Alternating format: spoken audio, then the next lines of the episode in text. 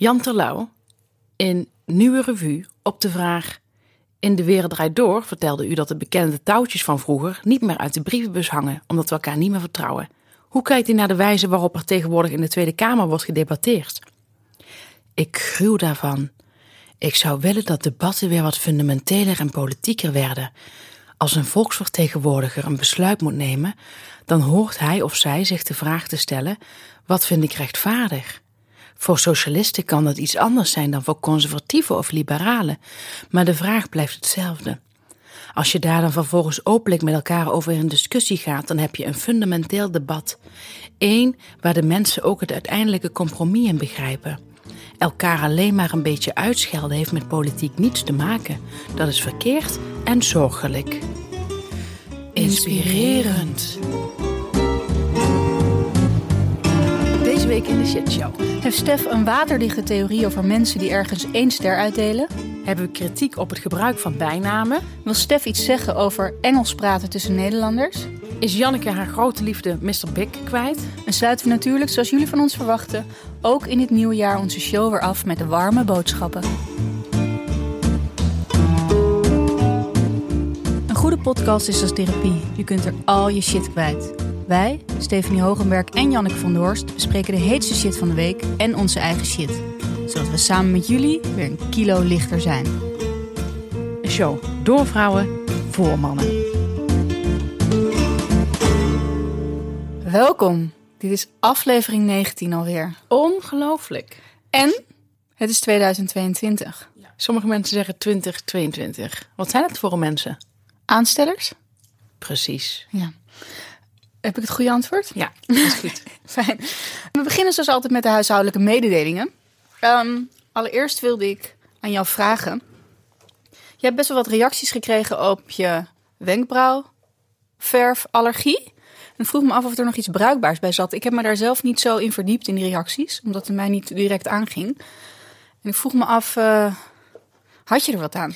Ehm, ja, iemand had een kapper in Amsterdam getipt. Die kapper heb ik ook al benaderd met een vraag, bedenk ik nu. Maar ik heb er nog niks op teruggekregen. Ja, kappers zijn dicht. Ja, maar ik zou zeggen dat de mail zou toch wel open moeten staan. Ook voor illegale verzoeken. Mhm. Maar goed, ehm, die vraag staat open, bedenk ik nu. En ik had van meerdere mensen de tip gekregen henna. Maar dat ik het even op mijn huid moet gaan laten testen. Ehm, alleen toen stuurde iemand mij... Het is wel leuk, we hebben echt, eh, echt wel luisteraars die met ons meeleven. Dat merk je dus nu. Mhm. Ehm, en één luisteraar stuurde een krantenartikel van een meisje, een 14-jarig meisje in, een Engels, in de Engelse stad Colchester. eh, die minder feestelijke kerstdagen had, omdat ze bijna dood was gegaan nadat ze henna had gebruikt. En er staat ook een foto van dat meisje bij. Die heeft allemaal brandwonden.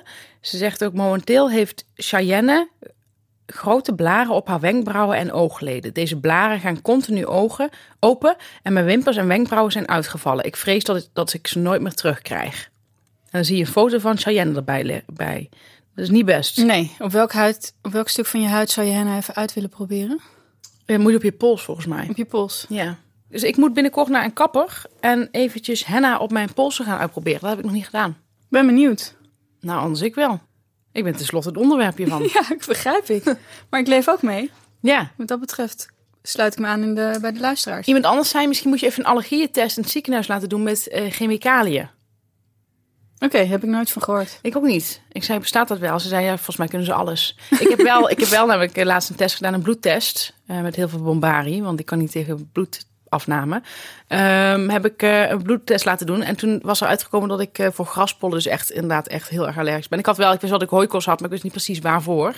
Eh, maar graspollen, huismeid heel erg. En katten, nooit in de buurt komen van katten. En ik mocht eigenlijk geen tapijt in mijn huis, heb ik wel. Oké. Anders vind ik het zo kaal. Ik hou niet van alleen een houten vloer. Maar goed, dat, dat heb je ervoor over. Ja. Ja, ik snif af en toe een beetje wat, wat weg, maar... ehm, heb je wel een gezellige vloer. ja. Ik vind altijd, zeg maar, als je zelf geen allergieën hebt... en ik had dat heel lang niet. Ik was tot mijn 25ste iemand zonder allergieën.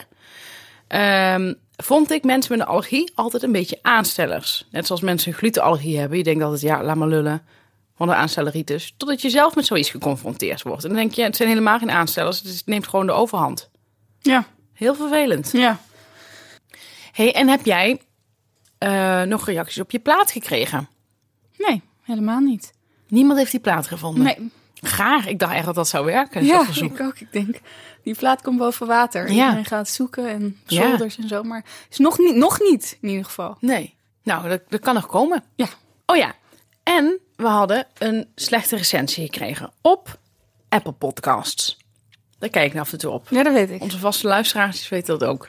Daar kijk ik af en toe op. En ene eh, politieke junkie had ons één ster gegeven. En hij schreef, ik denk dat het ja, een man is, politieke junkie. Maar ik weet niet waarom. Ja, denk ik ook. Een vrouw zou zichzelf nooit zo noemen. Zo achterlijk. Ja. Nee, dat denk ik ook niet. Ehm, en die schreef, naar aanleiding van het Volkskrant-artikel gaan luisteren, viel erg tegen. Dus één ster. Ja. En toen ging ik eventjes nadenken. En toen dacht ik, heb jij alles één ster aan iemand of iets uitgedeeld? Aan, een, aan iets op Google bijvoorbeeld? Nooit. Ik één keer, zoals de meeste mensen weten, aan de Ja. ochtendist. Maar weer teruggetrokken. Maar werd teruggetrokken, omdat het mij werd gevraagd.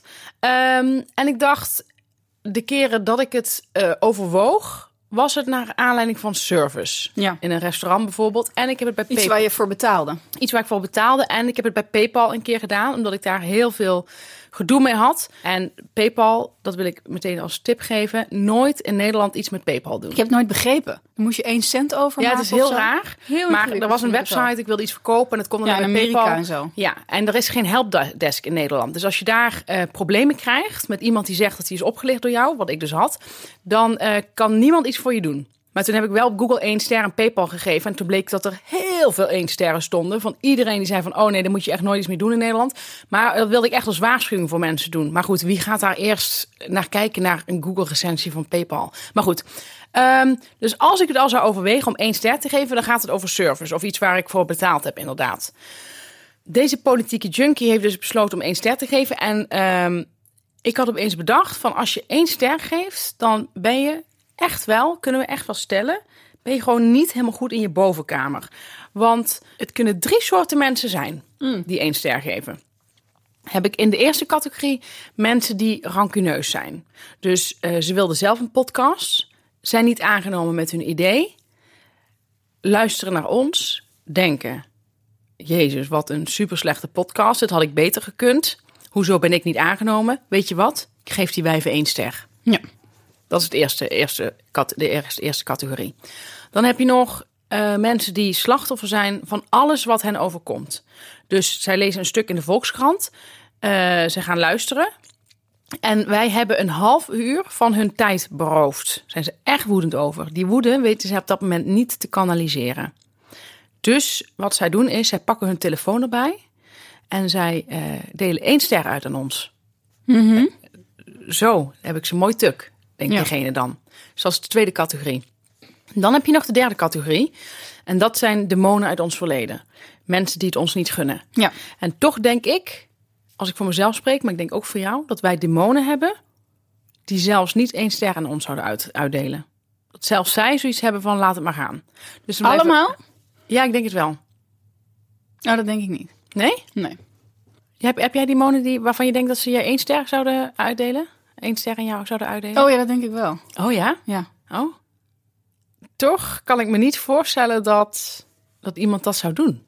Ik ook niet. Ik kan me ook niet voorstellen, maar je weet maar nooit. Want ik zou het bijvoorbeeld ook niet bij onze concurrenten doen of zo, één ster uitdelen. Omdat ik denk dat het toch altijd bij je terugkeert. Concurrenten? niet- Doe je Aaf en Mark Marie die ach- 800.000 luisteraars hebben? Nee, maar ik bedoel andere babbelpodcasts. ja. Nee, maar zelfs ster, want het is heel makkelijk natuurlijk. Je kunt nu op Spotify ook een ster uitdelen. Ehm, sterren uitdelen. Op Spotify ook. Ja, Spotify ook, ja.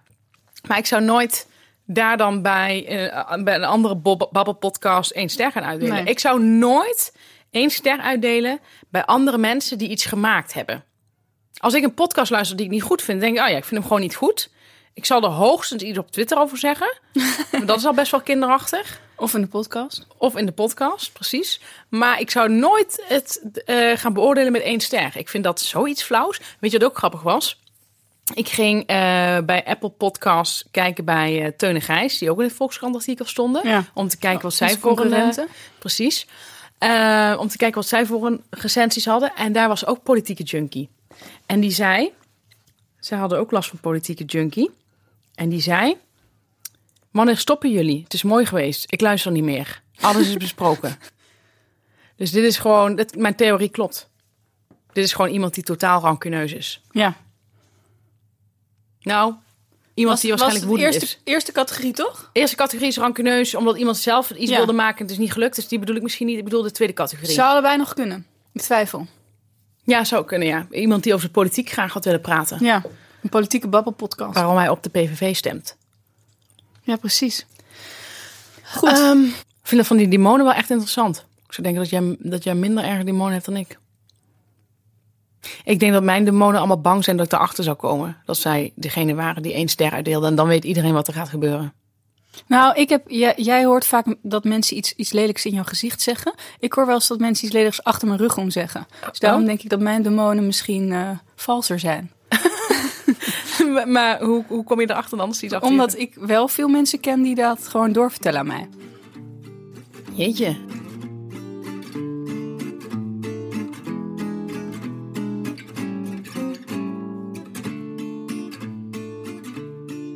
Dan zijn we alweer bij shit van de week. De eerste shit van de week van het nieuwe jaar. Stef, jij mag beginnen. Ja.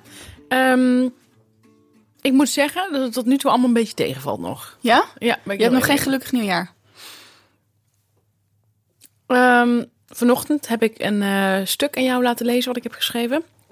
En eh, jij vond het een leuk stuk. En dat was mijn eerste lichtpuntje in het nieuwe jaar. Oké, fijn dat ik het lichtpuntje was. Ja. En eh, daarbuiten kan ik eigenlijk even nog niks, nog niks, nog niks noemen. Ehm, het nieuwe jaar zelf was mijn shit. In die zin dat ik... ik had mezelf uitgenodigd. Een vriend van mij ging naar een vriendin van hem. En ik mocht ook mee. En het was een huisfeestje. En hij zei, er komen expats. Oké. En eh, daar had ik wel zin in. Ik had wel zin om... Dan krijg je toch een beetje dat buitenlandgevoel. Ja. Precies. Mensen ontmoeten die je nooit meer ziet. Precies. Vraag van, oh, waar kom je vandaan? Oh, Engeland. Oh, I would love to go there one time. nou, de gastvrouw, zijn vriendin dus, die vriendin van die vriend van mij, die had echt super lekker gekookt. Buff bourguignon, dus dat was fantastisch. En ook een heel erg lekker dessert. Pavlova, dat is mijn allerlievelingsdessert. Dat vind ik het lekkerste wat er bestaat, naast crêpe Suzette. Eh, voor de rest vind ik desserts echt totaal oninteressant. Maar, dus dat was allemaal heel geslaagd. Alleen we gingen in een eh, soort kring kwamen terecht. En ik had het me iets anders voorgesteld. Ik had geen wildhuisfeest voorgesteld, want ja, dat, dat, dat liet het allemaal niet toe. Eh, Dat kan natuurlijk niet. Ehm, ik was opeens ook best wel een beetje bang om eh, Omnicron te krijgen. Of hoe heet dat ding? Ja, ik hoorde laatst iemand zeggen Omnicron. Ja, nou, ik heb het nog nooit uitgesproken eigenlijk. Ik ook niet. Maar ik denk Omnicron. Ik luister ook Ja, niet meer naar het nieuws, dus ik weet niet hoe ze, hoe ze Nee, het dat had ik ook. Ik was ook echt verbaasd. Nog, ik zat er weer niet. Ik heb wel vaker dat ik dan namen hoor die ik heel vaak al heb gelezen in de krant of zo. En dan blijkt ik dat het al jaren verkeerd uit te spreken, omdat ik dat nooit op de tv, omdat ik zo weinig naar het journaal kijk. Weet je, wat, weet je wat ik leuk vond? Ik was een interview aan het luisteren met Peter Pannenkoek. Met eh, Ellie, Ellie, hoe heet ze nou? Niet Ellie Lust, maar Ellie van eh, Kunststof. Heet ze nou? Zo'n Ellie de Brouw? Nee, zo heet zij niet. Ik googelen. Ja. Jelly. Ze is stomme J. Nou, ik bedoel natuurlijk Jelly Brouwer. Zij was in gesprek met Peter Pannenkoek en toen zei hij op een gegeven moment ehm timbre. En toen zei zij, bedoel je timbre? En hij zo, timbre. Ja, weet ik veel hoe je het uitspreekt, zei hij. En toen zei ze, je bedoelt timbre. Hij zei, ja, hij zei, ik weet heel vaak niet hoe ik woorden moet uitspreken. Ik vond het heel leuk dat hij daar, daar zo eerlijk voor uitkwam. Hij Ja. had er helemaal geen gêne over. Disclaimer. Zoals sommige vriendinnen erachter komen dat ze als kind allebei niet van gompie-ijs hielden, kwamen wij er net na de opname achter dat wij de Griekse letter omikron altijd als omnicron gelezen hebben. Maar eh, nou, ik was even bang om Omnicron te krijgen. Dus het was gewoon een eh, heel rustig feest. Nou, het was ook niet echt een feest toen. We zaten in een kring. Maar dat vind ik wel ook opmerkelijk wel. Toch? Expats hebben het er altijd over dat Nederlanders in een kring zitten. En jij komt op een expatfeestje Ja. en je zit in een kring. Ja, Maar waren ze gaan het aanpassen? Of valt het wel mee dat dat zo'n Nederlands fenomeen is? Nee, maar er waren ook nog twee Nederlandse... eh, in totaal waren we met vijf Nederlanders en drie expats. Oh ja, die is wel een meerderheid, toch? Ja. En ehm, we, ze hebben dus ook een kringgesprek gevoerd. En daar komt mijn shit bij Ja. kijken. Want ik hou heel erg van kringgesprekken. Ik Ja? Vind, ja, ik vind het heel overzichtelijk als we één gesprek voeren met z'n allen. Dat deden we bij mijn familie, familie met kerst ook altijd. Ik vind dat heel erg fijn. Alleen, eh, en ik ben natuurlijk ook niet eh, vies ervan om een anekdote hier en daar te vertellen. Alleen we moesten Engels praten. En ehm, ja, ik heb dat gewoon echt al heel lang niet gedaan. En als ik in Engeland ben of in Amerika ben, dan vind ik dan ik kan heel goed klanken nadoen. Dus als ik er eenmaal ben, dan gaat het altijd wel. Ehm, nu gingen we een kringgesprek voeren en ik hakkelde echt niet normaal met mijn Engels. Ik kon bijna geen volzinnen maken. Ik, het was alsof ik ja, gewoon helemaal terug was naar het basisniveau. Op een gegeven moment hield ik zelfs mijn mond. Het ging over Janine Abbring. Ze hadden hele gesprekken. En ik was voor het eerst in mijn leven een soort toeschouwer. In plaats van iemand die het grootste woord had. En eh, ze had het over Janine Abbring en over hoe ze het deed. En eh, de ene partij vond Janine heel erg goed.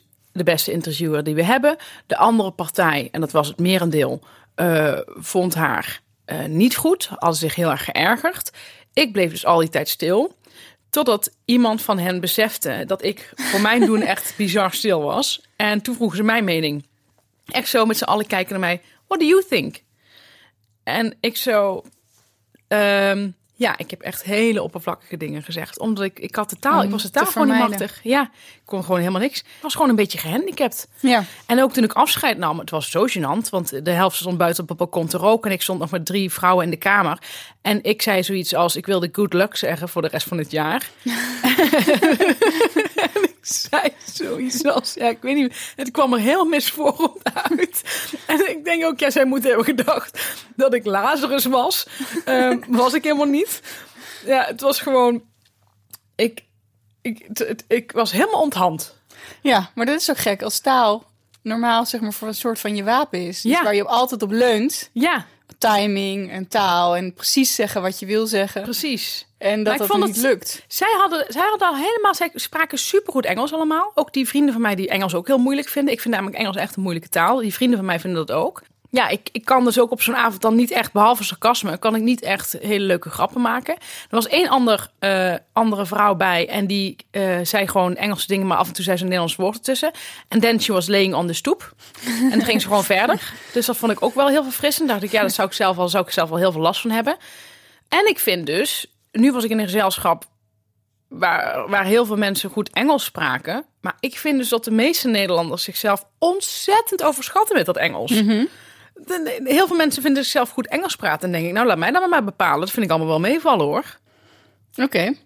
Dus nu durven mensen hier van jouw omgeving ook geen Engels meer te praten. Precies, dat iedereen op, op gelijkwaardig niveau fijn, ja. onthand is. Nee, maar het is, het is best wel vervelend. Mijn Engels is vrij redelijk. Maar ik heb bepaalde woorden heb ik gewoon heel veel moeite mee. Ik zeg dus eh, tree. Dat is bij mij hetzelfde als, als tree. Ja, bij mij ook. En gek genoeg, een girl, vind ik ook een moeilijk woord. Ja, Het zijn woorden die je veel vaker gebruikt dan je denkt. dat zijn, dat zijn hele gebruikelijke woorden. Ik heb het met literature. Vind ik ontzettend moeilijk. Ik Verslik me bijna. Eh, roaring twenties. Ook niet te doen. Ik heb een R die achterin ligt en die moet voor en in je tong liggen. Je, hij moet voor en tegen je tanden liggen, de R. Eh, maar ik maak hem in mijn keel. Ik weet niet hoe ik er vanaf kom. Ik heb dit een keer met een logopedist besproken. Niet speciaal hiervoor naartoe gegaan, maar voor iets anders. En die zei, ik weet niet waar je het over hebt. En die was denk ik ook de taal niet machtig. maar ehm, ik, ik vind alles met een R heel moeilijk. En ik ben er ook mee gepest. Dus een vriend van mij zei een keer in een gezelschap... hij zei, jij praat zo raar Engels. Dat vond ik, vond ik niet zo heel sympathiek. En Nee. een vriendin met wie ik nu niet meer bevriend ben... die zei, nou, inderdaad... Inderdaad, alsof ze echt fijn wat iemand een keer aanstipte. Zo zeg maar, zo'n inderdaad was het. Denk, denk hou je, hou je, hou je smoel. Ah, wat, ik, wat ik dus heel sterk mee heb, is dat ik dan... Het, voor, het voelt als aanstellerij om het helemaal goed te doen. Ja. Dus three. Ja, dat ik dat moet doen. Het voelt alsof ik iemand in zijn gezicht wil tuffen of zo. en dan laat ik dat een beetje, want ik vroeger juist ook wel een soort gepest dat ik overdreven Engels sprak. Omdat Ja. ik het altijd nadeed van de Beatles en de Rolling Stones en zo. En ehm, toen was ik een keer bij eh, iemand uit de literaire wereld. En toen had ik het over. Zei ik, ik vind het echt een hele mooie cover. Zei ze, wat zei je? Dus ik vind het een hele mooie cover. dan moest het cover zijn. Het was echt een beetje, oh, oh, cover. Ik vind cover, vind ik, daar heb ik dus echt wel een hele sterke mening over. En toen heb ik sindsdien, zeg ik gewoon maar omslag. Voor altijd. Oh ja. Omdat ik het, het was, ik werd echt op mijn plek gezet. Ik, Ik dacht, vind ja, cover vind ik heel erg overdreven in het Nederlands. Vind ik echt zo overdreven. Ja, dat vond ik ook. Dus het, is, zijn een beetje de mensen die 2022 zeggen. Ja, het is een beetje dat. En ik heb, ik weet niet of je dat kent, op mijn tele- televisie, ik vind dat zelf nog steeds heel futuristisch, maar iedereen heeft dat. Dat je zo kan zeggen wat je wil gaan kijken. Ja, dat doe ik nooit. Oké, ik doe ik dat ook. heel vaak, dus dan zeg ik curb your enthusiasm. En weet je wat er dan om verschijnt? Nou, Heb je Tunesië? en dan schaam ik me dus ook ten opzichte van mijn tv. Maar ik ken ook heel veel mensen die zeggen: ja, ik kijk zo graag naar Curb Your Enthusiasm. is serieus? Ja, en dan denk ik: laat dat ook gewoon. Ik vind dat ook wel prettig. Ik zal mensen ook niet snel belachelijk maken om hun Engels. Nou, ik heb het wel met één vriendin een beetje gedaan. Een beetje naar, eh, een beetje naar beneden sch- schoppen. haar woordenschat is erg goed, maar haar uitspraak een beetje Jan-Peter Balkenende. Dus ik heb wel eens een keer een grapje gemaakt over haar voicemail. Dat was een tijdje in het Engels. Zij nam dat heel sportief op. Wat goed. Maar mensen die dan... ehm, bijvoorbeeld jij spreekt heel goed Frans. Jouw uitspraak van het Frans is heel erg goed. Ja. En ehm, heel veel mensen kunnen dat weer niet. En dat maken we ook niet belachelijk. Nee, maar weet je, dit dat hoor je natuurlijk niet zo snel. Want dan hoor je de mensen naar Frans spreken. En dat is waar. Mensen, mensen doen dat bijna niet meer. is jammer. Ja, Mooie taal. dan zou ik ze helemaal belachelijk maken. Ja, helemaal kapot. Ja. Nou, ik wil in ieder geval, ja, dus ik vond dat best wel, eh, ik had er toch wel, ja, dat kunnen mensen zich- misschien niet helemaal voorstellen, maar ik heb dan de volgende dag wel een beetje last dat ik eh, tegen mijn eigen handicap aanloop. Ik ben graag gewoon op alle vlakken goed. en daar eh, kom je dan toch achter dat dat niet helemaal het geval is. En dan denk ik, ja, hoe zou ik dat nu kunnen? Ik, ik kijk Engelse series, maar en ik lees ook Engelse boeken. Niet, ja, dat moet ik niet tof gaan lopen doen. Ik lees Nora Ephron in het Engels en dat is heel fijn, makkelijk Engels. En het is niet dat ik een roman in het Engels gelezen, daar zou ik gewoon geen zin in hebben. Dat kost me echt te veel energie. Ik, ik, dan zou ik ook de halve ironie missen, denk ik. Ehm, maar ik heb, ik heb een aardige woordenschat, denk ik wel, in het Engels. Alleen ja, ik kan er gewoon niet meer uit de voeten als ik vanuit een koude start opeens Engels moet gaan praten. Dat lukt mij gewoon niet zo goed. Plus, ik ben hyperbewust ik, eh, en ik wil graag. Ik heb in het Nederlands wel, kan ik me goed, uitdrukken. Mijn vader zei dat altijd over een vriendin vroeger. Die was eh, heel goed in Engels, zei ze zelf. Zei mijn vader, ja, maar ze kennen in het Nederlands ook maar 10.000 woorden. Wat zo'n geruststelling. En dat is een beetje, want Matthijs van Nieuwkerk spreekt toch ook zo slecht Engels. Ja. Maar die heeft, die heeft zo'n ontzettend origineel vocabulaire in het Nederlands. Dat ik kan begrijpen dat hij eh, totaal, totaal Met je ontredderd is. ontredderd is in het Engels. Ja. Ja. Ja, het zijn vaak domme mensen die goed Engels kunnen. Nou, ik- ik geloof dat we daarmee kunnen afsluiten. Maar ehm, had jij een goed oude nieuw? Ik had ook wel een beetje schaamte. Ehm, ik wilde niks doen met de auto nieuw, want ik had twee zieke kinderen. En ehm, ik dacht, ik ga niks doen. Maar om 12 uur zei mijn vriend, we gaan toch even naar buiten, naar de buren. Daar hebben we even met wat buren van eh, op straat staan, staan borrelen. We hadden wel flesjes champagne ingeslagen, want we wisten van tevoren nog niet dat de kinderen ziek wer- werden. Eh, en ehm, toen stonden we daar en die champagne ging heel hard, echt heel hard. Werd ook steeds bijgeschonken door de buurmannen. En op een gegeven ogenblik zei ik, nou, ik ga nog even naar een andere buurvrouw. Die ga ik even gelukkig nieuwjaar wensen. Daar ben ik gebleven met mijn vriend ook tot drie uur s'nachts. En ontzettend dronken geworden. Maar wat het een beetje gênante was, waar ik me een beetje voor schaamde. Want op zich eh, zijn het wel mensen waar ik me niet zo heel erg voor schaam. Ik voel me wel redelijk thuis. Was dat er één vriendin van hen was, die ik eigenlijk niet ken. Ik heb haar wel eens gezien in het dorp natuurlijk. Het is een klein dorp. Ik weet niet zeker of we ons ooit aan elkaar voorgesteld hebben. Ehm, ik weet ook niet zeker of zij weet hoe ik heet. Nu inmiddels wel, want ze is me gaan volgen op Instagram. Dat kan zo'n avondfilm opleveren, hè? ja, gewoon een nieuwe volger erbij. Ontzettend leuk. Ehm, maar toen, en zij heet eh, Danielle en ik ken haar niet echt. En een van de eerste dingen die ik zei, tegen haar zei was Daan, omdat iedereen haar Daan noemt. Toen ging ik haar ook Daan noemen. En ik heb zelf een gruwelijke hekel aan mensen die koosnaampjes geven aan mensen die ze nauwelijks kennen. Ja. Mijn twee overbuurvrouwen hebben allebei een koosnaam, heb ik nog nooit gebruikt. Terwijl ik echt goed, wel goed met ze ben. Ja. Omdat het niet uit mijn tijd was dat ze dat koosnaampje hebben gekregen, sowieso. Ik kan ook wel iemand afkorten, ik noem jou ook Stef. Maar eh, niet bijvoorbeeld dat als iemand jou Stoffie zou noemen, bijvoorbeeld, dat ik dat overneem. Dat doe ik niet. Nee. Daan is iets minder erg. Het was gelukkig geen hele rare nickname of zo. Sommige mensen hebben echt rare bijnamen. Ja. Uh, maar ik schaamde me er achteraf wel heel voor dat iemand die ik helemaal niet ken, dat ik zo populair dan loop te schreeuwen. En maar is, is die schaamte weggegaan op het moment dat jij het verzo- vervolgverzoek kreeg? Ja, ik moet wel zeggen dat toen ze mij ging volgen, dat ik zag dat ze mij volgde op Instagram, dat het wel beter voelde. Ja. Ehm, maar ik weet nog bijvoorbeeld zelf dat ik een keer op ehm, huiswerkhulp, dat, dat, dat deden we allemaal in het gooi, dat ik op huiswerkhulp zat en dat een jongen eh, toen tegen mij zei Jannie. En daar heb ik een hele pagina in mijn dagboek over geschreven. Hoe hij het in zijn hoofd haalde om mij Jannie te noemen. Terwijl ik hem amper kende. Ik, weet, je, wat- weet je wat ik grappig vind? Dat ik noem jou ook vaak Jannie. En dat ik dacht dat ik dan een hele originele bijnaam voor jou had bedacht. En dat je dan erachter komt dat, dat, dat een bijnaam zelden origineel is. Die je voor iemand verzint. Oh ja? Ja. En ik had één vriendin en die heet eh, Pien. Daar heb ik mee gestudeerd. En eh, ik noemde haar altijd Pineapple. en ik ben iemand tegengekomen die ook Pien heet. En die ook zo werd genoemd. Dat vind je, is, toch, is toch gek of Ja, niet? dat is heel gek. En eh, soms zei ik Piney. Maar dat was ook helemaal niet origineel. Want zo heette die andere ook. Door, werd er ook zo genoemd. Ja, heel raar. Dus Oh, nog even één laatste ding over bijnamen. ja.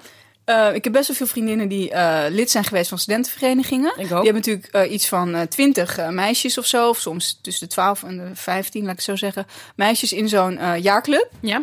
En die hebben dan allemaal een bijnaam. Maar die Ja. hebben ook een echte naam. Ja. En van sommige mensen Ja, ik weet waar je naartoe gaat. heb ik, ja, Ja. heb ik jarenlang die link niet gelegd. Dat Ja. dat één en dezelfde persoon was. Ja. Daarbij is het voor mij heel lastig als ik hun alleen maar bij hun bijnamen ken. Om dan iets tegen ze te zeggen als ik ze tegenkom. Want ik kan die naam niet gebruiken. Dat zou vreselijk raar zijn. Want het zijn niet gebruikelijke bijnamen. Niet als Stefanie en Stef. Dat Nee. zou nog kunnen. Ik heb een, eh, iemand van de tennis, die heeft ook bij het koor gezeten. En die noemt eh, de hele tijd constant haar, die vriendinnen die ook bij het koor hebben gezeten, noemt ze bij de bijnaam. En dat is dan zoiets als Kurk. Ja, En dan zegt ze van, eh, ja, Kurk kwam op bezoek. En die zei, en dan denk je, ja, Kurk kwam op bezoek. Doe eens even normaal. Zullen we gewoon afspreken dat we hier in het normale leven elkaar bij de naam noemen? Ja, precies. Ze zal waarschijnlijk Charlotte heten. En ik vind het gewoon even wel zo, zo fatsoenlijk om haar bij de... Ik vind het is toch heel raar? Ja. En op een gegeven moment ontmoet je die Charlotte. En En, dat dan, ze dat onderling doen? en dan blijkt dat al die tijd Kurk te zijn geweest. Waarover die verhalen gingen. Maar dat weet jij dan niet. Dat was al die tijd Kurk werd genoemd. Maar ik vind dat zo kinderlijk. Ja. We, zijn- we zitten niet meer in de, in het, in, in de corporale wereld.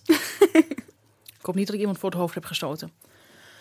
Ah, goed. Oud en nieuw. Leuk. Ja. Weer voorbij voor een jaar.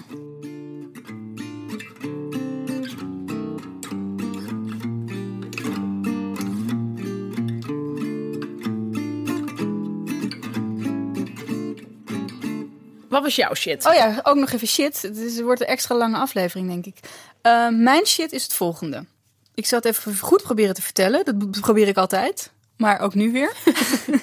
Zo knap dat je steeds weer Ja. wat voornemen hebt. Ja, heel knap hè. En daarna dan verzakt dat verhaal weer. Nee, eh, je hebt een eh, acteur. En die heet Chris Knott. Dacht ik. Ja. Dan gaan we weer even naar het Engels. Maar die Ja. blijkt Chris Note te heten. Dus je schrijft N-O-T-H. Maar Oh. dat spreek je, spreek je uit als Note. Super raar. Vind ik raar. Ja. Zou een signaal hadden kunnen zijn. Ehm, dat is de acteur Mr. Big van Sex and the City. Oh ja. Veel mensen Knap wel. hebben ook veel dédain over Sex and the City. In die groep zit ik niet. Ik ben echt een fan van Sex and the City. Mhm. Ik vind het echt heel goed gemaakt. Ik vond het ook ontzettend grappig. En ik was ontzettend fan van Mr. Big. Ik kan wel zeggen, ik denk dat iedereen nou, maximaal drie televisieliefdes heeft in het Mhm. leven. En hij was mijn nummer drie. Zo. En mijn laatste dus. En ehm, ik was echt, ik had echt een beetje een tv-crush op Mr. Big. Ja. Je wilde met hem naar bed, of hoe moet ik dat voor me zien precies? Ja, precies. Dat soort dingen wilde ik mee uit eten en dansen. En eh, ja, al die dingen die erbij horen eigenlijk bij de liefde. Ja. En ehm, toch wel meer het personage. Want ik las een keer een interview met hem. Geschreven door, ik weet niet wat voor een blad het was. Het, het was iemand die was ook fan van hem. En die ging hem interviewen. Een meisje. En dat is heel grappig geschreven. Uit een, in ieder geval een krantartikel dat ik niet kende. En hij kwam zo vreselijk over. En dat beschreef ze ook. Eigenlijk een beetje soort jouw stijl bijna. Beschreef ze hoe ze ehm, helemaal teleurgesteld was in die ontmoeting. En wat het meest vreselijke was wat hij zei. Hij zat heel erg op te scheppen over drinken en over dat soort dingen. Dat hij nog veel dronk. Terwijl hij was toen al, ja, hij is nu denk ik al in de 60 of zo. Hij was toen al in de 50 of zo. Dat je denkt, ja, niet meer echt de leeftijd om daar heel tof over te doen. En toen vroeg ze wat zijn favoriete drankje was. Want ze zat nog helemaal in die Sex in the City, eh, Vibe. ja, cosmopolitan-achtige cocktail vibe. En toen zei hij, DTT. Zei ze, wat, wat is een DTT? Zei hij, don't tell Tara.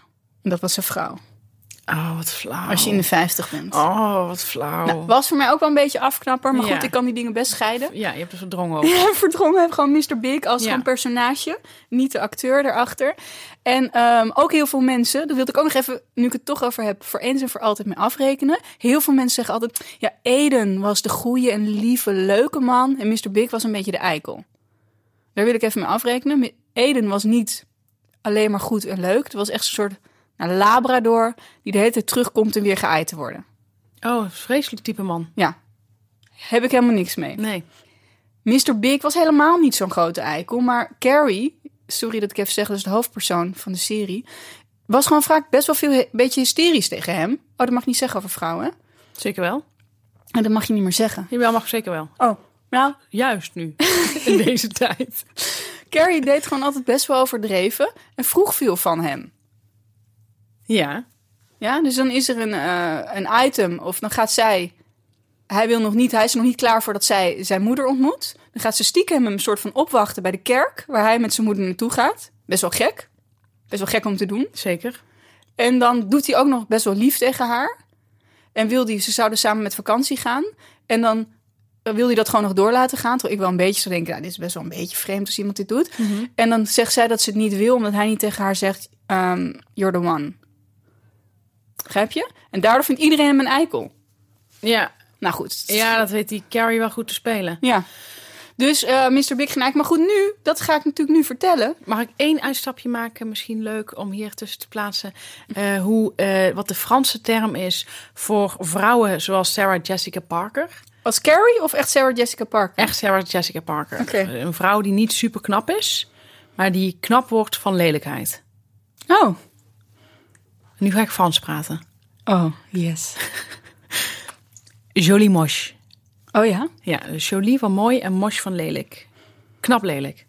Mooie term, goede term. Ja, ga verder. Ehm, en ehm, nu is er aan de hand. Wat is er aan de hand? Eh, waarom heb ik shit van de week over Chris Noot? Is dat ehm, hij is aangeklaagd wegens het aanranden van verschillende vrouwen. Hoeveel vrouwen zijn er ongeveer? Volgens mij zijn het er nu drie. En ze- nog een ex die zegt dat hij haar heeft mishandeld. Ik vind aanranden altijd een heel moeilijke term. Wat is aanranden? Weet Nou, je dat? Wat, wat ik in ieder geval heb gelezen, is dat hij met iemand eh, vrij zichzelf opdrong om mee naar de huis te gaan. En daar eh, heel agressief haar begon te zoenen. En toen zij dat stopte en ook echt duidelijk liet merken dat ze dat niet wilde, begon hij tegen haar te schreeuwen. En toen eh, zei hij dat, weet ik veel, dat ze dat nooit naar buiten mocht brengen. En werd hij echt heel agressief. En die andere twee vrouwen weet ik niet precies. Oké. Nou, en dat was even mijn shit van de week. Omdat ondanks dat ik de acteur Chris Noot al, al een tijdje een beetje een vreselijke man vond... is nu wel Mr. Big voor altijd en voor eeuwig van de televisie. Want hij is al meteen de vrouwen van Sex and the City... waar nu weer een soort, hoe noem je dat? Een reboot van is. Die hebben zich meteen van hem gedistanceerd. Oh, Dus heftig. dit betekent hierbij dat Mr. Big nooit meer zal bestaan. Oh, en hij is ook nog steeds zo knap. Maar ik vind het zo gek dat dan ehm, eh, iemand die dus heel knap is, die Oh ja. waarschijnlijk iedere vrouw kan meekrijgen, dan het dan toch nodig heeft om vrouwen te gaan aanranden. Ja, dat blijft... eh, Ik denk dat het toch in de basis ook weer terugkomt op verveling. ja? Je kunt iedere vrouw meekrijgen. Daar is niet meer zoveel aan. Dus ga je kijken eh, hoe je het anders kunt aanpakken. En dan ga je het dus op deze manier doen, zodat ze gaan tegenstribbelen. En dat tegenstribbelen wordt dan heel, als heel eh, lekker ervaren. Dat denk ik. Daar wordt dan de, eh, het genoegen in beleefd. Ja, dat zal wel, ja. Maar waarom? De verveling. Gewoon wat anders in plaats van, ja, ik wil je.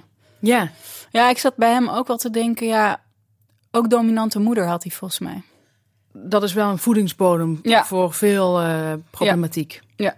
Dat is wel, ik denk dat eh, als Bram Bakker meeluistert, denkt van god, eh, niet Ja. eens psychologie gestudeerd en het Ja. toch zo accuraat weten te duiden. Ja. Ik vind het best koud hier, jij? Ja, maar ik vind het wel lekker. Hitler hield altijd heel erg van koude ruimtes, Adolf Hitler.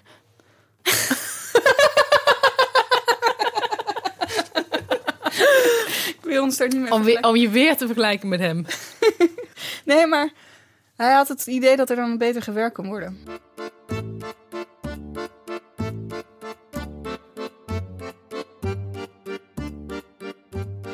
Dan zijn we weer bij onze favoriete rubriek van de week. Het is de eerste van het jaar en dat is de app van de week. Eh, mannen sturen ons een app in, of een vrouw, dat kan ook. Maar in ieder geval moet de app afkomstig zijn van een vrouw en wij leggen uit wat deze vrouw bedoelt en de volgende app die we binnenkregen van een man, we mochten zijn naam niet noemen, maar hij was halverwege de 30. Ja, en hij had een eerste date gehad met iemand van ook in de 30. Hij had het idee dat ze een leuke date hadden gehad. Er was niet gezoend, maar er was wel een klik, dacht hij. Maar de volgende dag appte zij hem, was gezel, uitroepteken. En dan een kruisje, wat een kus betekent. Ja, ik wil hier twee dingen over zeggen. In eerste instantie al. Eén, waarom is die man zo laks dat hij niet meteen iets stuurt als hij thuis is? Ik vind Mhm. dat toch altijd een beetje raar. Als je een leuke date hebt gehad, dan stuur je diegene thuis meteen een appje. Ja, ben je goed thuisgekomen? Zoiets zou wel netjes zijn. Ja. Eh, ik heb het ook een beetje gehad eh, met dat hele man-vrouw dat het allemaal maar amorf moet zijn en dat het gewoon dat de vrouw moet betalen eh, op de eerste date. Ja, ik hou er helemaal niet van. Ik weet dat ik hier heel veel mensen mee Ik tegen ook de haren instrijk. Eerste date, als de man je meevraagt, Ja, moet hij betalen? Nou, sowieso laten we zeggen degene die meevraagt, die Ja. je uitvraagt. Dus dan degene betaalt die diegene. vraagt. Ik vind dat. Daarna kan je zo allemaal op een hoop gooien, maar die eerste date. Precies. Je hoeft, niet, je hoeft geen kindvrouwtje te worden. Het is ook niet meteen dat je een kindvrouwtje bent als je dat prettig vindt. Het gaat er gewoon om, het is een beetje etiketten. Ik hou er toch wel van. Ik vind het ook leuk als je met een man uit eten gaat en hij jou eh, het uitzicht op het restaurant geeft. Dat is hoe het hoort. Dat doen heel veel mannen niet. Je ziet dat bijna niet meer gebeuren. Maar ik vind... ehm, dus dat, dat, daar vind ik het al een beetje eh spaak lopen. Dat ik denk, godsamme, eh, stuur dan zelf even een bericht als je het leuk hebt gehad. Ja, Dus eh, nu stuurt zij dat. En wat ik van haar eh, in eerste instantie vind, is: eh, ik zou zeggen. Misschien was het een hele leuke date. Maar als iemand gezellig gaat afkorten naar gezel. Ja, vrees ik toch dat er ehm, ja, sprake is van afasie. Heel vroegtijdige afasie. ja? Ja, maar is, daar is misschien wel een markt voor. Ja, als jij iemand bent die ook in het Nederlands eh, ja, gewoon per ongeluk eh, delen van woorden weglaat, dan zou dat, dan zou dat wel heel leuk kunnen zijn samen. Ja. Kun je gewoon lekker eigen, kun je een heel eigen taaltje samen maken. Ook een bed. Ja, Ehm, maar ik, ik vind dat niet echt. eh, ik vind dat ook. En ja, nou, nu ga ik wel generaliseren. En ja ik, word er zelf ook niet heel erg wild van als iemand dat stuurt. Ik denk dat dit ook een koormeisje is. Ja? Het is een koorterm. Gezel. Ik heb het nooit gehoord. Ik vind het een beetje tut- tuttig, maar ehm, om haar niet helemaal af te kraken, ik vind het wel knap dat ze de stoute schoenen aantrekt om iets te laten horen Ja. eh, aan hem. Ehm, het nodigt niet direct uit, maar ik zou er zelf als man wel op reageren met. Ik vond, ik vond het ook heel gezel. ja, ja, dus ik zou in dit geval zou ik zeggen: eh, ik vond het ook gezel. Ik bel je snel. ja, dat klinkt goed. Maar verwacht niet iemand die heel wild is tussen de lakens. Nee. En dat hoeft ook niet, hè? Nee, dat hoeft ook niet. Dit is, dit, dit is, eh, dit is duidelijk missionaris standje. Ja. Gewoon de rest van je leven. Nou ja, of platonisch, hè? Nee, ik denk wel dat ze aan haar plichten voldoet. Maar en ik denk wel dat als er als een van je ouders op een gegeven moment heel behoevend wordt, dat zij een uitstekende mantelzorger is. Ja. Dus appen.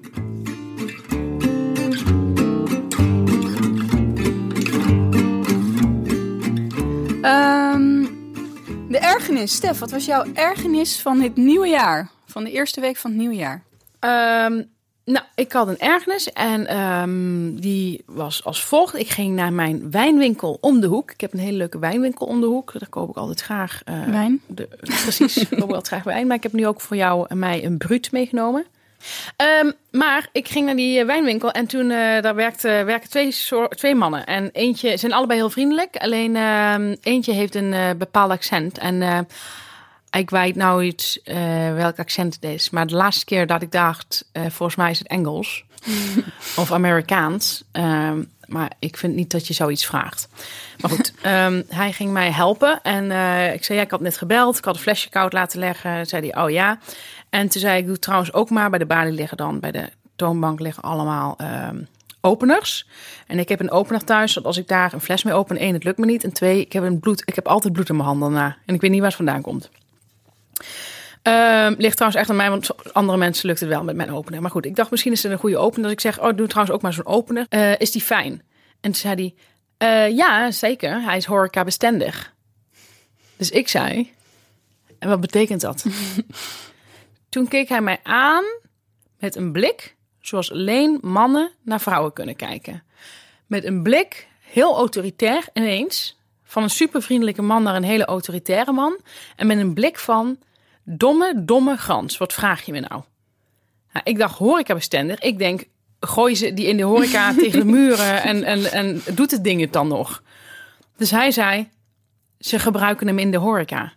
En ik dacht, ja, knurft dat jij een tweede taal spreekt. Wil niet zeggen dat je mij zo autoritair hoeft aan te lopen kijken. Nou, ik heb eventjes een hele andere kijk op die man gekregen. Ik vond het zo naar. En ik, ik liep naar huis en ik dacht, hoe kan het nou dat ik hier nog mee bezig ben? Ik ben die zaak uitgelopen en ik ben nog steeds met die blik van hem bezig. En ik vertelde het aan een vriendin en toen zei ze, ja, dat herken ik wel. Dat is echt zo'n Herken je niet dat, dat sommige mannen kunnen zo naar je kijken? Dat je echt in één keer hebt afgedaan voor ze. En je, dat ze je dom vinden. Op basis van dit. Terwijl het zijn schuld was. Ja. Horeca bestendig. Nou, was mijn ergernis. Ja, begrijp het. Niet meer komen. nee, dat doe ik niet. Dus ik vind het wel nog fijne zaak. Ja, als die andere man er is. Ja. Wat was jouw shit van de week? Nou, mijn uh, ergernis van de week... Wat was jouw ergernis van de week? Is, uh, ja, ik heb wel eens verteld dat er een appgroep is in mijn dorp... waar je dingen kan verkopen. Ja. Waar ik toen in aanraking kwam met een negenjarige jongen die mijn dingen ging verkopen. Um, en wat ik zo jammer vind, is ik geef altijd heel veel dingen weg. En van kleren van de kinderen of speelgoed of boeken of weet ik het. Ik geef het allemaal altijd weg. Um, niet uit, uit goed doen, maar daar denk ik gewoon niet over na. En ik vind het ook fijn als iemand er blij mee is en het opgeruimd is en mijn huis uit is. Precies. Maar heel veel mensen verkopen dingen. Toen dacht ik, ja, ik wil ook wel eens wat verkopen. Oh, ik dacht heel even dat, dat jij iets gratis had weggegeven aan iemand. Dat, dat is ook gebeurd bij mij, maar niet hier in, okay. in deze app. Um, en ik dacht, ik wil ook wel eens wat verkopen. En ik had allemaal heel erg leuke truien van mijn zoontje op die app gezet. Mooie kwaliteit. En niemand wilde wat kopen. maar van die appgroep dus niet? Ja. En en was, ik, dat ook, was dat ook iets pijnlijks? Was er een soort pijnlijke stilte? In ja, er was een pijnlijke stilte in die app. Godsamme. En ik uh, had zelfs een soort uh, een vestje van Mini Rudini. Dat is een best wel een duur merk voor kinderen. Dat ik voor 7,50 opgezet. Hè? Ja. Die gaan aan marktplaats gaan die voor 15 weg. Minstens. Niemand reageerde. Maar het is gewoon een heel snobistisch dorp. Nou ja, allerlei troep willen ze altijd hebben. Daarom dacht ik, nou, hier kom ik een keer met, met, met kwaliteit. En niemand wil het. Nou, dat was wel eventjes vervelend. Nu moet ik zeggen dat er veel mensen met oudere kinderen op zitten. En mijn zoontje is natuurlijk klein. Maar ik dacht toch... Ik voelde me toch een beetje, ehm, een beetje voor gek staan in die appgroep. Ja, dat kan me voorstellen. Ik, zo, dat beeld krijg ik ook meteen. Ja. Nou ja, dus ik denk, je gaat daar niks meer verkopen. Maar dat was even mijn ergernis, dat niemand van mij dingen wil kopen. Ja, ook niet eens uit beleefdheid. Nee, niet uit beleefdheid. Oké, ik heb op zich geen kinderen meer in die maat, maar ik, ik wil hem wel. Ja. Weet je wel? Of voor een kraam, als kraamcadeau voor iemand. Ja. Een leuke vierjarige. Zo'n tweedehands ding. en goed, dat was even mijn ergernis. Ja, nou heel goed. Ik heb de ijskoud, jij niet? Ik vind het wel lekker. Zijn dat ook al? Oké. Wij zijn bij de warme boodschappen. Dit zijn de eerste warme boodschappen van 2022. Ja. Nou, ik heb een heel leuke warme boodschap. Ik heb uh, sinds tijden weer eens echt een goede film gekeken. Hij is te zien op, volgens mij, ik heb hem op Amazon Prime gekeken. Ook een tip überhaupt, Amazon Prime, heerlijk. En je kunt hem op Pathé kopen, geloof ik, op Pathé Film. Voor 3 euro. Nou, die van je portemonnee om het niet te doen. Uh, het heet The Sound of Metal. En het gaat over. Ken jij? Nee. Het gaat over. Het was, waren voor mij onbekende acteurs. En het gaat over een koppel dat in een heavy metal band zit. En zij, uh, zij zingt en hij drumt. En hij wordt langzaamaan doof. En uh, dat proces wordt zo ongelooflijk goed weergegeven. Ik heb er. Uh, ja, ik, ik, ik, het, het is op een gegeven moment alsof je naar een documentaire zit te kijken. Dat je, dat je op een gegeven moment nog gaat checken of het wel een fictieve film is, weet je wel. zo'n goed acteerwerk. Het was, eh, ik, ik, ik vond hem prachtig. Ik kan er eigenlijk geen ander woord voor gebruiken. Ze moeten allemaal kijken. Jullie moeten allemaal kijken. En ehm, ik vond het ook een origineel verhaal. Want het klinkt niet per se origineel, toch? Want Althans, ja, het is zoiets van... Ik hou, ik, in de basis zou ik er niet per se van houden. Van, van de plot. Oké. Ik heb gewoon geen zin dat iemand doof wordt. dat vind ik echt verschrikkelijk. Maar... ehm, nou, het enige wat ik nog wil vertellen is erover... Nee, dat moet ik eigenlijk niet vertellen. Nee, want dan vertel ik al te veel. Nee, mensen moeten dit gewoon gaan kijken. Ah, nou, meis. Fijn maar zo'n filmtip. heb jij een warme boodschap? Ik heb een warme boodschap. Vlak voor eh, het einde van het jaar heeft mijn vriend zijn ogen laten lezen. Oh? Ja. En ehm, hij ging dat doen. En ik moest hem natuurlijk ophalen, want hij kon niet meer autorijden daarna. Je bent daar een paar, na een paar dagen lang zie je heel weinig. Akelig. Ja, heel akelig. En ik vond het wel een mooi experiment, want ik zou op zich mijn ogen ook wel, willen laten lezen. Ik vind, het hebben, ik vind een bril best wel vervelend. Heb je nu lens in? Ik heb nu lens in. Oh. Nou, je ziet het bijna niet, hè? ik ook, hè? Ik heb ook lens in niet. Nou, hier zitten dus twee eh, bijziende types. Ehm, maar ik vind op een gegeven moment, hoe ouder je wordt, hoe minder lang ik lenzen in kan hebben. En ik vind een bril best wel vervelend. Mhm. Ik vind het echt dat het me minder leuk staat dan als ik geen bril op heb. Mhm. En ik voel me dan dus al meteen minder leuk. Zeker. Ehm, ik vind het heel vervelend om mee te sporten. Het is heel vervelend met een mondkapje. Ja. Dus in principe vind ik een bril fijn dat het bestaat. Maar liever had ik gewoon echt goede ogen gehad. Ja. Dus ik ben er altijd wel heel benieuwd naar. Nou, Het lijkt me zo lekker om gewoon op te staan en te kunnen zien. Ik moet altijd eerst mijn bril zoeken, weet je wel. Ja. Dus mijn vriend heeft dat gedaan. Die had een beetje dezelfde dingen en die ehm, eh, kon helemaal geen lenzen meer, meer in bijna. En ehm, met sporten heel vervelend. Nou goed, je kent het wel. Jij als eh, ook lensdragende en Sporter. brildragende en, en sporter. En ehm, dus toen ging hij zijn ogen laten lezen. En het, de eerste tijd was het een beetje gek, want hij kon geen. Hij moest s'nachts een mond, eh, moest hij een kapje op zijn ogen. Wil die zeggen mondkapje? Ja, ik wilde een mondkapje zeggen. Hij, Oogmaskertje. oogmasker deed hij op. En, ehm, maar die zat te strak, groot hoofd. Dus toen dacht hij, dan doe ik een zonnebril op. Want hij mocht niet in zijn ogen wrijven. En hij kon ook geen licht verdragen. Oh, wat akelig. Ja, dus elke Ugh. avond, als ik naar bed ging, zat daar naast mij in bed een man met een eh, zonnebril op in de kamer. Nou, Ontluisterend. dat was ontluisterend. Eh, maar goed, nu kan ik dus goed zien, hoeft hij die zonnebril niet meer op. En ik moet zeggen, het ziet er echt heel goed uit. Want hij had eerst, eerst heel vaak een bril op. Hij had heel vaak een bril op, eigenlijk altijd. En het stond hem ook minder goed, vond je? Ik vind hem echt wel veel knapper zonder bril. Ja. Hij heeft gewoon best wel een mooi hoofd. En dat zie je nu veel beter. En ga jij het ook laten doen, denk je? Nou, ik zit nog te twijfelen. Want ik vond het toch ook wel heftig dat hij zo'n laster van had in het begin. En dat hij, nou, die, ik doe dan gewoon natuurlijk zo'n zo'n zo'n oogkapje op. Maar ehm, het deed ook wel pijn. Hij had ook echt wel pijn aan zijn ogen. En dat lijkt me heel naar. Ik heb nog nooit pijn aan mijn ogen gehad. Ugh. Nou, ik zou die operatie zelf niet durven. Nee, dat is ook nog eng. Want je bent ook nog gewoon bij. Want ze laat toch zien hoe ze... ze Ja, maar hij vond dat meevallen. Hij vond dat dus heel erg meevallen. Oh, ik moet er niet aan denken. Ja, hij vond dat meevallen. ik Daar zag hij ook tegenop. Ja? Ja, Nou, ik dat viel op. Dat viel hem dus mee. Maar die dagen daarna zijn niet zo prettig.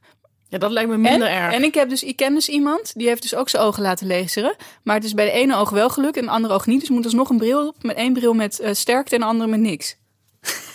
Wat een eng verhaal.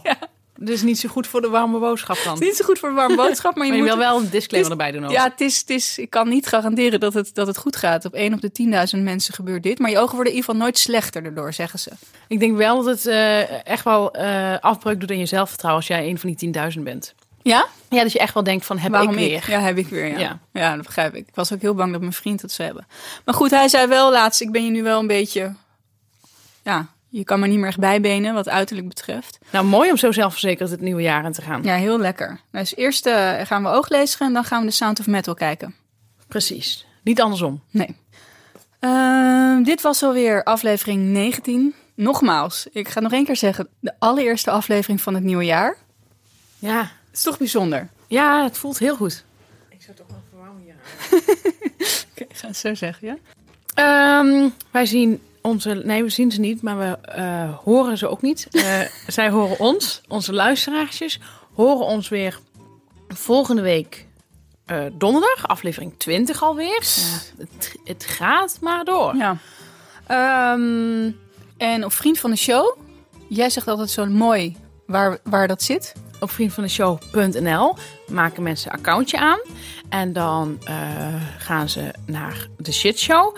En daar kunnen ze dan geld doneren. En dan kunnen ze allemaal leuke dingen luisteren die we na afloop nog hebben verteld. Ja, en deze week zal Stephanie, Stef voor de, voor de luisteraars, exclusief voor het eerst In mijn hele leven een column van Linda voorlezen. die ik voor Linda heb geschreven. Ja, dat is eigenlijk niet de, niet de bedoeling. Omdat eh, je het blad moet kopen daarvoor. Maar ik ga voor, speciaal voor onze luisteraartjes dit voorlezen. Mocht ze daarna ontslagen worden, hopen we dat we jullie wat extra willen doneren. Tot volgende week. Tot volgende week.